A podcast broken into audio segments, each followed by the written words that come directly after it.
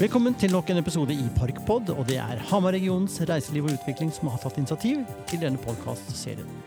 Mitt navn er Lagtun Myrberget, og jeg får da møte ledere og næringsaktører i Hamar-regionen til samtaler her på Park i Hamar. I denne sesongen av podkasten har vi tre temaer, og det er samarbeid, forretningsmodeller og bærekraftsmålene. Og vi har en gjest. Og dagens gjest heter Fredrik Skarderud og er regionsleder Innlandet i selskapet Inmeta. Velkommen hit. Jo, takk skal du ha. Du Fredrik, fortell oss litt om hva Inmeta driver med.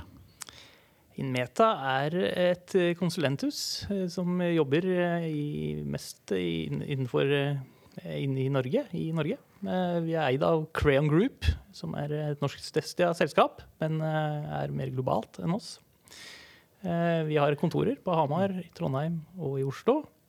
Nå er vi ca. 200 totalt, og 28 av oss sitter da på Hamar. Og ganske nytilsatt prosjektleder? Ja, vi har skrevet kontrakt med ny prosjektleder i dag, så vi gleder oss til å få flere som kommer og styre alle prosjektene våre i riktig retning framover. Ikke sant. Det er sånn som skjer med småprater i gangen før vi går inn i studio og snakker. Ja. du, um, konkret, hva er det dere gjør for noe? Eh, vi jobber med forskjellige temaer innenfor informasjon eh, og IT. Vi jobber med AI og maskinlæring, altså artificial intelligence og maskinlæring. Mm. Eh, store på det i Meta. Vi jobber med BI og analyse, ja. som vi er store på. Vi jobber med mye utvikling, skreddersøm av fagapplikasjoner. Eh, og vi jobber med mye netthandler og offentlige portaler og sånne ting. Mye av det på Hamar. Og vi jobber med brukeropplevelse og UX og tjenestedesign generelt. Så vi, vi er ganske, vi har et bredt spekter av tjenester. Da. Og vi jobber også en del med konsulenttjenester inn mot ja, sikkerhet inn mot systemer og sånne ting. Da. Ja, nemlig. Mm. Er det sånn at dere har egen portefølje med software som dere selger inn? Eller er det hovedsakelig utvikling og tilpasning? Vi selger mye utvikling og tilpasning, men så har vi noen kjerneprodukter eller baseprodukter som gjerne ligger til grunn da, som en plattform ja. som vi leverer tjenester oppå. Ofte. Ellers så er det ren skreddersøm fra bunnen av. Men vi jobber jo mye med, med plattformer som Asher og AVS Sky og Google Cloud og sånne ting, da, som, og bruker tjenestene som ligger der og bygger opp på det. Det ja, nemlig.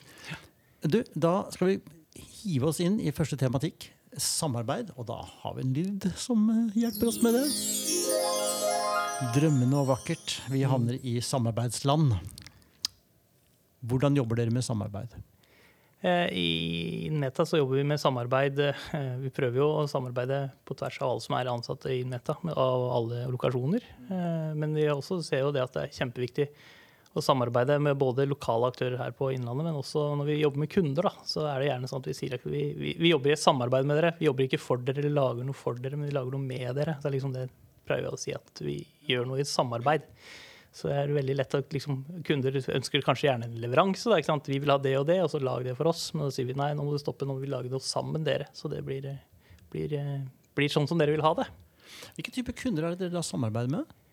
Nei, Her fra Innlandet så har vi en rekke store offentlige kunder. Vi har Folkehelseinstituttet, Miljødirektoratet, Finanstilsynet, Norsk akkreditering, f.eks. på offentlig portal, men vi har også reiselivsportaler som Visit Oslo, Visit Hedmark var vel en del av det. Eh, store netthandelsløsninger, sånn som eh, Bødren Dal, som er en stor grossist på VVS i Norge. Eh, Malorama-kjeden med Malproff og Farveringen. Her lever vi store netthandelsløsninger. Så vi har veldig mange, mange kunder, eh, både innen offentlig og privat sektor. Da. Du, Case Folkehelseinstituttet, ja. samarbeid. Hva kan dere bidra med for dem? Hva gjør dere sammen med dem? Hei, der har eh, vi masse, masse initiativer i, Inmeta. Jeg kan gå inn på det vi gjør fra Innlandet her, da, her jeg sitter. Og vi tok over forvaltning av hele informasjonsportalen og integrasjonene deres på hva som er offentlig tilgjengelig informasjon på web. Så hele den webflaten som du møter på fi.no. Her har vi styrt og, og, og videreutvikla siden 2019, da, før covid. Og der har vi hatt en kjempereise med å prøve å gjøre den plattformen tilgjengelig for alle da, etter covid-utbrøt for halvannet år siden. Så det var litt av en reise. Ja, det ble tro. Hva var det viktigste for dere å gjøre i første omgang der? Det aller viktigste var jo å få stabilitet på plattformen. For det skjedde jo ganske så fort, dette her covid-greiene. Og da sier jo det offentlige regjeringen sier at FHI.no skal være sannheten til data. Det er dit du skal oppsøke for å få informasjon, sier de. Og den løsningen var jo da drifta på sånn tradisjonelt eh, hostingpartner med begrensa plattform med begrensa kapasitet. Og når da eh, unike besøkere på en dag gikk fra 10 000 brukere til eh, nesten 900 000 unike brukere på en dag, og sidevisninger fra 50 000 til 2,9 millioner sidevisninger, så, så var den plattformen eh, ikke bygd for å takle den overgangen. Så da var det jo løftet der så fort vi kunne til sky for å, å skalere ut. da, For Ja. å få kontroll på plattformen. Men også det, vi så at det begynte å komme masse angrep også fra utlandet mot den plattformen for å få ut informasjon. da. Så sikkerhet og kom også inn i bildet der veldig veldig fort. At vi måtte få kontroll på det. Ja, nemlig. Altså, Hvordan er det dere da jobber med sikkerhetsanalyse på vegne av kundene deres? Eh, Vi har to ting. Vi har jo det vi kaller trusselmodellering, som vi eh, selger inn til kunder, eller prøver å samle med kunder på. Så da må vi liksom eh, se, se på hva, hvordan komponenter er det som er her av teknisk art, hvilken er det som er her av som, informasjonsart, hvor, hvor sårbare er dataene, hvor viktig er det med integritet, og så må vi lage eh, systemet på det. Og så må vi danne oss et trusselbilde, da. Eh, gjerne ved hjelp av noen applikasjoner som vi bruker for å tegne opp alle sårbarheter, og så drille inn til det, og så begynne å ta tak i det en for en. da. Sånn som eh, På FHI.no så var det jo kjempeviktig at ikke noen skulle kunne ta kontroll over portalen og legge ut falsk informasjon osv. Det var en del av det, så da var det jo å sikre det. Og så var det også å sikre at ikke data kom ut på avveie til disse angrepene som kom. da. Kan dere på en måte ta initiativ da i forhold til de kundene dere har? På å komme med forslag om hva de bør gjøre? Eller hvordan foregår samarbeidet om å liksom utvikle samarbeidet? Ja, det, det, det, det som er med kundene, at vi prøver å få en, en god dialog. Vi kommer gjerne inn på en rammekontrakt eller rammeavtale, sånn som det er i offentlige, eh, eller på et spesifikt prosjekt da, i private. Og det gjelder å hele veien eh, levere på det prosjektet, men gjøre klart for noe mer. Altså, vi vil ha kunder som ikke blir borte, ha partnerkunder, som vi kaller det. sånn at vi vi har det over tid, da, og drifter og videreutvikler det. Så de fleste av kundene vi har eh, opparbeidet oss her på Innlandet, er fortsatt kunder av oss, og vi har samarbeid. Så vi kjører jo prosjektvis hele tida ting, men også hele tida iterasjoner. da. Så har vi innovasjonsforum sammen med kunder for å se på hva nye ting som skjer. Eh, Vi snakker om trusselbilder, eh, om sikkerhet, prøver å oppdatere og holde, holde god dialog med kunden og samarbeid. Og skape tillit og, og, og verdi da, gjennom det. Ja. Du, du nevnte innledningsvis at dere hadde kontor i flere byer i Norge. Ja, stemmer. Eh, Er det sånn at dere er likt organisert med kompetanse på alle disse stedene, eller har dere noen sånne sær... Særkompetanser. Ja, Ja, vi er ganske like på kompetanse både i Hamar, Trondheim og Oslo. I Oslo er det enda hardere på, på Java-kompetanse, kan man si. Og direkte prosjektleder, prosjektlederutleie og en del sånn hodeutleie. Eh, og så er den største avdelingen på AI og ML er også i Oslo. Ja. Men vi har nå på Hamar fått litt BI og litt AI og litt ML, så vi har egentlig mye av det samme. å Ja. kunne levere fra alle lokasjoner. da. Hvordan samarbeider dere internt i selskapet da? Nei, vi, vi har jo det å kjenne hverandres styrker eh, avdelinger, eller i avdelingene, eller regionene, kan man si, Ja. eh, og, og, og ha god dialog. Vi har jo ukentlige møter der alle som er med og styrer de forskjellige lokasjonene, møtes. Eh, Forteller om prosjekter som er i pipe, muligheter som finnes, og, og trekker, inn, trekker inn de som trengs. Da. Og det er et samarbeid som funker veldig godt. Og vi har ja, tatt nå også litt utover nye samarbeidspartnere som går utenfor eh, vårt eget firma. Da. Også her i Hamar fått samarbeidspartnere på ting som ikke vi leverer, for å kunne levere helhetlige pakker. Da. Wow, Så det er litt samarbeid spennende. med andre bedrifter i Hamar? Ja, ja. Skrev samarbeidsavtale med noen i går. Du verden. Det var bra. Det, er spennende. Det er bra. Da skal vi gå over på neste tema, og det er forretningsmodeller. Du har jobba ganske mange år nå uh, innenfor dette fagfeltet her. Mm. Eh, har det skjedd noen endringer på forretningsmodeller for hvordan dere som rådgivere opererer? Ja, det har jo vært gradvis endring etter, hver- etter hvordan teknologien endrer seg, hvordan IT blir mer og mer en viktig, essensiell del da, av firmaers strategier. Mm. Eh, dette med også brukeropplevelse har vi sett i det siste, da kom vi veldig, veldig inn. At før så skulle kanskje firmaer ha en hjemmeside, da, la oss si det, eller ha en informasjonsportal, og den skulle se sånn ut. Og så var det et designbyrå kanskje som tegna noe som så pent ut, og så ble det levert, og så var det kanskje ikke noe som fungerte. Eller det var, ikke så gjennomtenkt hvordan man skulle bruke produktet etterpå, da, eller sidene. Så der ser vi en stor endring, at uh, nå begynner flere flere og flere kunne bli oppmerksom på, da, eller skjønner at det er en prosess, dette med brukeropplevelse. At det er faktisk noe som ikke bare er å tegne en fin plakat og digitalisere den. Men at det er eh, Du skal liksom eh, ja, ha interaksjon med brukeren. da, Gjøre ting forståelig for brukeren. Du skal hjelpe, hjelpe dem til å finne det innholdet du trenger. Eh, De skal ha en god opplevelse og ikke lokke nettleseren etter to sekunder hvis de lager en nettside. Som de kanskje kan gjøre hvis det ikke er for godt gjennomtenkt. Ja. Så der ser vi en endring, at eh, det blir mer awareness på det.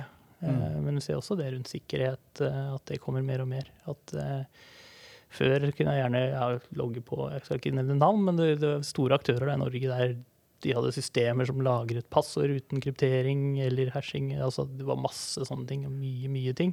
Mm. Så det har vært veldig mye viktige ting som har kommet de siste årene. Det med GDPR og sånn, selv om det er pes og mas og trykker på den cookie-banneren hver eneste gang du er inne på en ny side. Ja. Så, så er det jo mye gode ting som kommer i kjølvannet av det, da, utover akkurat det at du må trykke på en cookie-banner og ha konsent med at de lagrer litt data om deg. Så er det jo masse rutiner og masse ting som hjelper firmaene på sikt. Det ser vi jo. Ja. Og da blir det kanskje også nærere samarbeid med kundene også? Da blir det nærere samarbeid med kunden, og da er jo vi, vi er jo leid inn for å være den profesjonelle parten og hjelpe de på der de skorter litt på, på, på kompetanse. Så det, det ser vi jo. Og Samme med universell utforming nå, hvis vi snakker nettsider igjen, da, som vi leverer mye av, er jo at nå, nå er det jo lovpålagt at det skal være universelt utforma for blinde, svaksynte, alle. ikke sant? Og kan jo begynne å få bøter og sånne ting. Hvis ikke det tilfredsstiller det, og da har det også blitt mye større awareness på det. Og det ser jo firmaer sånn som Eidsiva som vi jobber med, sitter og følger med på verktøy for å måle dette hele tida og si at de er up to date, og at det, det fungerer sånn som skal, og få den ratingen de skal få. da. Du, um, jeg vil tro at da, da kommer dere også tett på forretningsutviklingen hos kundene deres. Mm. Det gjør vi. Uh, hvordan utfordrer det dere? Nei, det er kjempespennende. Eh, Det å skjønne domenet hvor de vil, og, og hjelpe de da, til å nå sine mål. Definere disse sammen kanskje også. Det, er- det, det er kanskje det som er mest gøy eh, med kunde. Så så er jo, vi- som sagt, vi er jo konsulenter, så det, det er jo veldig vanskelig sånn å sette verdi og ting og ting til fortjeneste. Det er liksom, Vi skal snakke penger, da, så fakturerer vi jo time, time, for time. ikke sant? Og det har liksom lineær mulighet for inntjening sånn økonomisk. Ja. Men vi driver og snakker med kunder for å se på andre typer modeller på det, da, ikke sant? for å hjelpe dem. Ja, ikke sant? Er det noen bransjer dere ser på som ikke har vært godt nok digitalisert, men som kan tjene på digitalisering? Skogsarbeid, eh, eh, transport eh, Faktisk, som de er litt flinke på det, så er det mye å hente der. Ja. Du har eh, ja, Nei, det er mange bransjer som trenger det fortsatt. Ja, for man, man snakker gjerne om sektorovergripende eh, eh, verdi som Mm. kan hentes ut. Altså Det som man gjør på helse, viser seg å kunne gi høy effekt i andre bransjer, men de så Mm. bare ikke at det var nødvendig. Men dere som sitter så tett inn i ulike forretningsområder, Mm. har kanskje muligheten til å kunne gå til nye bransjer og tilby noe som ikke de kanskje så at de trengte. Ja, det er riktig. Og det, det gjør vi også i stor grad. Og vi ser jo det også når vi er jo innenfor ja, forskjellige. Ikke sant? Vi hadde offentlig da, med folkehelsa, men vi er jo også liksom på, på netthandelen til, eh, til Malproff, f.eks. Ja. Og vi ser jo ting, at ting som vi gjør for noen kunder, dette har jo kjemperelevansverdi, og dette har jo kanskje ikke de tenkt på. Eller her er det et kjempepotensial for å få til noe gevinst og realisering igjen på, på Mm. spesifikke ting. Da. da kan vi Mm. ta med erfaringer fra ett domen og en sektor og over til en annen sektor. Og det gjør vi jo hele tida. Helt innledningsvis, eh, før vi begynte opptaket, så vil vi stående og prate litt om dette med hacking og det mm. å ta over bedrifter eh, og så få utbetaling i kryptovaluta. Ja, det snakker vi litt om, ja. Dette er et felt eh, som er nytt. Ganske nytt. Ja. Eh, har pågått en liten stund, men ja, det er et spennende Eller spennende. Det er eh, en av de best hotte måtene da, å drive med hacking på. Ja. Hvordan kan dere bidra for bedrifter for å sikre seg mot denne form for eh, overtagelse av digital virksomhet? Nei, altså da er det jo å komme inn tidlig, snakke med de. Eh, Vi vet jo gjerne litt om kunder og hvordan infrastruktur de er på og sånne ting eh, tidlig. Og kan si at her er det faktisk eh, muligheter for et angrep. Eh, Veldig, veldig mange bedrifter er jo der fortsatt at de skal gjerne ha ting hos seg sjøl bak en brannmur og låse seg inne. Eh, barrikadere dørene og si at eh, her kommer du ikke inn. Og det er kanskje den dummeste strategien, tror jeg, for å okay. ikke bli hacka. Ja. Jeg tror du må se det på den andre veien. Åpne litt opp, men åpne opp bare så du kan, kan skille system. Altså, ikke sant? Har du alt bak brannmur, da, så får, kommer du inn, da, med, inn på et nettverk da, med en administratorkonto, så kan du ta overalt. ikke sant? Mm. Tar du og flytter tjenester ut i sky da, og separerer litt mer, så la oss si ja, du kan eh, finne en sårbarhet i en eller annen applikasjon, men de har ikke noen relasjoner lenger med an, all annen infrastruktur. Du, du kan ikke gå inn til en skytjeneste og ta kontroll over alle tjenestene ikke sant, som er ute i sky. Så sky er, det er mye bra i sky. Du, Er konteinere noe som brukes som begrep rundt akkurat de tingene? Med å separere ut virksomheter? Ja, konteinere, eh, hvis du snakker sky. Ja. tenker det, ja. ja Konteinere og, og, og skille, skille fagoperasjoner og skille forskjellige tjenester du skal ut med. Sånn at du har skiller, og så har du gjerne Kyler, bare eh, integrasjoner gjennom eh, API-er, som det heter. da. Altså, du spør om data på kun det du treng, trenger. Du gir ikke tilganger inn til tjenestene, men du har definerte sett med, med, med funksjoner eller API-er du kan spørre på og utveksle data på den måten. Da, så du ikke kobler ting sammen, men du kobler et mellomlag som bare sender litt data fram og tilbake. Skjønner. Eh, Folkehelseinstituttet, er det en type bedrift som også har en API i forhold til å hente ut informasjon til f.eks. regjeringen.no? Ja, vi har hjulpet dem å lage litt som det. Eh, Så vi har API-er ut for å komme ut med tall, ikke sant? smittetall fra hver, hver time og hver dag. Mm. eh, Sykehusinnleggelser, alt dette. Ja. Det er vi API-er på, som leveres ut til litt andre, litt andre offentlige. Og det skal være rimelig sikkert, så ikke man begynner å manipulere på dette her. Ja, skal helst være veldig sikkert, så ikke de begynner å manipulere på dataene. Så Wow, Det er stort ansvar. Ja, men det, det Ja, det er det. det, er det. Men det er jo gøy òg. Det er det dere lever av. Det er det vi lever av. Det Gjøre folk trygge. Mm. Eh, En venn av meg som satt som, eh, opp og jobba i eh, cyberspace oppe på Lillehammer, Ja. som gjorde meg oppmerksom på at Norge er konstant under angrep. Ja, det stemmer. Konstant under angrep, og det ser man ja, Vi ser jo det på, på tjenester, sånn som både Miljødirektoratet og Folkehelseinstituttet, at det hele tida er det angrep som kommer inn mot dems eh, portaler, eller eh, innganger inn. da. Så det gjelder å følge med på det og våke på det, og passe på at du til hver tid er oppdatert. da. At ikke, at ikke de kommer gjennom, eller tar ned tjenestene ofte, som Ja. er, også er en stor del av sikkerheten nå. da. At eh, Denial of service, som det heter. Ja. Det er jo kanskje største risikoen for veldig mye av det her. Veldig spennende å høre om dette med sikkerhetsperspektivet på den virksomheten dere har. Mm. Eh, skal vi se om det kan dukke opp som en del av bærekraftsmålene. Ja. Vi går til neste tema. Og da er vi inne i bærekraft. Der har Inmeta tatt en prosess på å velge ut hvilke bærekraftsmål som er viktigst for dere. Ja, det har vi gjort. Vi har uh, satt det i system og samla folk fra eh, alle avdelinger og alle lokasjoner eh, som har gått sammen og valgt ut de bærekraftmålene som vi skal kjempe for og jobbe for eh, framover nå i Inmeta, og satt opp en plan på dette fra ett, fem og ti års perspektiv fram i tid. Hvordan var det å være med på den prosessen? Nei, det har vært spennende, det. Eh, Jeg har vært med i en del av det, eh, og en del av det har gått uten meg. Men eh, det har vært veldig spennende og vært veldig viktige mål vi har funnet fram til. og Vi gleder oss til å følge opp den prosessen og ha fokus på det. Ja. Så ja, lik lønn for likt arbeid, alle disse bærekraftmålene som jeg er inne på. da. Men så har vi også begynt med det med, med forurensning. da, så nå sitter vi jo ikke sant, og, og karbonmåler hvor mye karbon eh, Altså hvor, hvor, hvor, hvor, hvor urene er nettsider. Altså Du kan måle det nå. Ok, ja. Hvor mer javascript du har, hvor mer prosessorkraft som trengs, jo mer strøm trenger da maskinene som er på disse nettsidene for å, å, å vise innholdet, rett og slett. Ja. Og når du kumulerer alt dette, så blir det jo faktisk litt tall av det. Så nå er liksom, en, en av de tingene vi ser på nå, er jo kunne komme inn der og gi litt rådgivning på også rundt det. Da. For det kommer også til, vi tror da, kanskje kan eh, bli mer og mer tema etter hvert. ja, ikke sant? Blokkjedeteknologi har jeg hørt er Mm. mer ressurskrevende enn annen teknologi. Det stemmer. Mm. Ja. Men det er samtidig veldig sikkert. Mm. Det er det. Så har vi en trade-off der, da. skal vi forurense, eller skal vi ha det sikkert? Så spørs om det være enda mer nytenking der på sikkerhet. Og eh, mot, uh, mot bærekraft og mot uh, ja, klima, Ja. rett og slett. Du, de bærekraftsmålene dere har valgt ut for deres egen del, er på en måte Inmeta sin måte å tenke på. Mm. Men når dere har hatt en sånn prosess rundt egne mål, hvordan påvirker det samarbeidet med de ulike samarbeidspartnerne dere da har å jobbe for? Nei, eh, vi har jo disse målene eh, tett i våre bryst. Eh, Vi skal jobbe med de, og da må vi innlemme våre samarbeidspartnere på det her òg. At skal vi, det er disse prinsippene vi skal jobbe etter, da. det er det vi skal jobbe for og få klart å realisere fram mot 2025. Da. Og da, da er det en åpen dialog på det. Ikke Mm. Du, eh, Fredrik. Ja. Eh, Enhver god samtale går til en slutt. Mm.